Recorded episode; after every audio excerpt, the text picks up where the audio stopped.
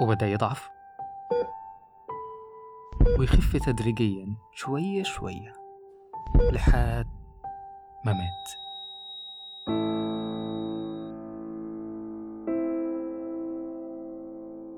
أنا خلود بعد أحمان وهذا بودكاست كلام عفوي. هذا البودكاست خاص جدا جدا جدا لأصدقاء خلود. استنى استنى أنت أنت في المكان الصح زي ما أنت. والدخلة دي هتسمعها لو رحت بودكاست كلام عفوي للكاتبة خلود بادحمان وأنا قررت النهاردة إني أحط الدخلة بتاعتها احتفالا بتواجدها ضمن أفضل 100 بودكاست في السعودية. تستاهل أستاذة خلود ومنها للأفضل دايما يا رب. أما الآن فاسمحوا لي أقول لكم. أهلا بكم. أنا عبد الله محمد وهذا البودكاست مليء بالعشوائية. هنا نتناول القصص والتجارب ونتشارك المعلومات والأفكار مع بسكوت مالح 2013 كان منصبي رئيس اللجنة الثقافية والسياسية باتحاد طلاب كلية الزراعة جامعة الإسكندرية. وبحكم المنصب ده جولي مجموعة من الشباب كانوا حابين يعملوا زي ندوة كده في الكلية. مشينا في الإجراءات وفعلا نزل الإعلان في كل مكان. وبمجرد نزول الإعلان حصل جدل كبير جدا في الكلية. ما بين ناس مؤيدة وناس معارضة وناس عمالة تهزر وتستظرف. الإعلان كان عبارة عن أربع أسطر. السطر الأول العنوان وباقي الأسطر كان فيها تعليمات الدخول. ممنوع التصوير الدخول للرجال فقط الدخول بالبطاقة الشخصية. والعنوان كان زائد 18 جه يوم الندوة وكان الحضور كبير جدا والقاعة تقريبا كانت مليانة.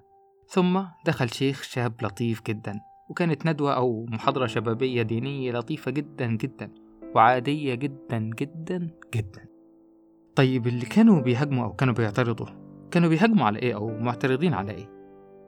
الموضوع باختصار لأن في صورة ذهنية عندهم أو عندنا كلنا إن زائد 18 دي تبقى على طول حاجة بربع.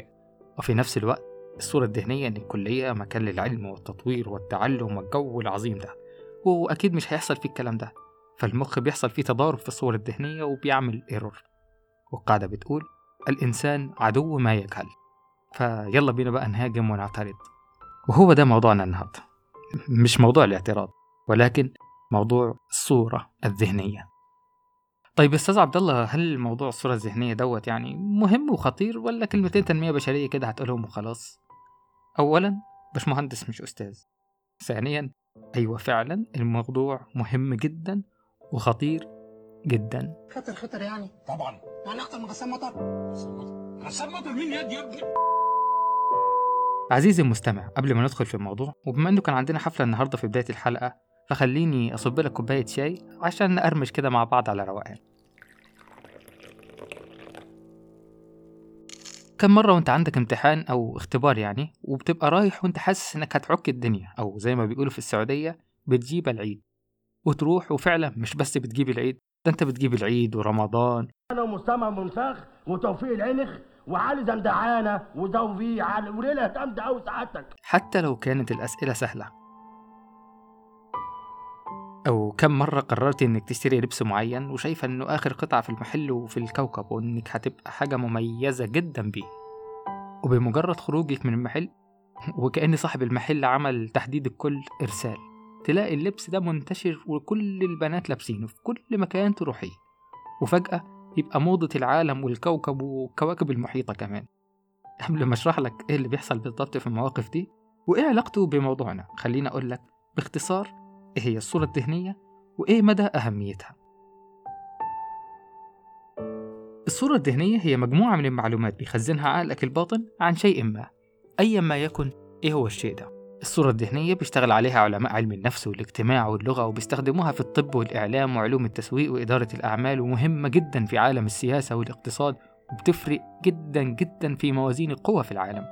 بل حاليا أصبح في هيئات وإدارات اسمها إدارة السمعة والصورة الذهنية.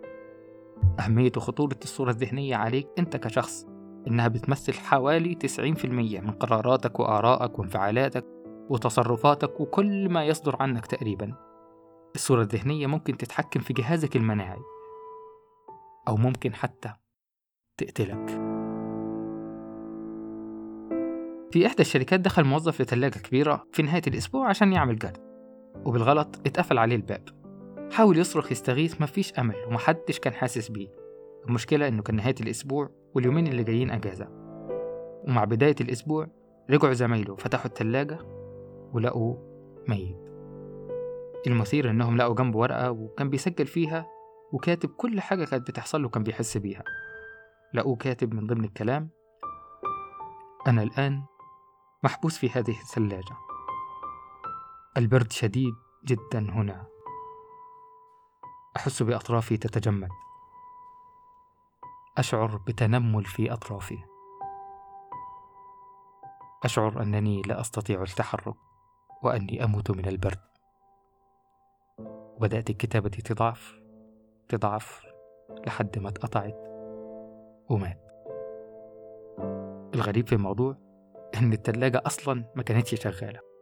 الراجل ما ماتش من البرد ولكن مات من التفكير.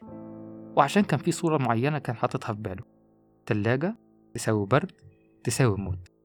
عزيزي المستمع موضوع التفكير والعقل الباطن وطريقة عمله كبيرة جدا وفي كتب ومحاضرات ودراسات كتير معمولة فيه. والعلماء حطوا مجموعة من القوانين لآلية عمل العقل الباطني وهنا خلينا أشاركك بواحد منهم وبيقول الشيء الذي تفكر فيه يكبر وينتشر من نفس النوع. وهو ده السبب اللي بيخليك تشوف إن كل البنات لابسين نفس اللبس. وقيس عليه بقى مواقف كتير جدا في حياتك اليومية. طب إيه هي باقي القوانين وإزاي بتكون الصور الذهنية وإزاي أقدر أغيرها؟ أنا آسف عزيزي المستمع. دوري خلص خلاص لحد هنا. قايل لك الموضوع كبير وفي علماء وناس كتير اتكلمت فيه بعمق وتخصص أكتر مني. لكن أنا هنا دوري بقدم لك حاجة خفيفة كده تقرمشها على الهادي. ولو حابب تتعمق في الموضوع هسيب لك روابط مفيدة في الوصف.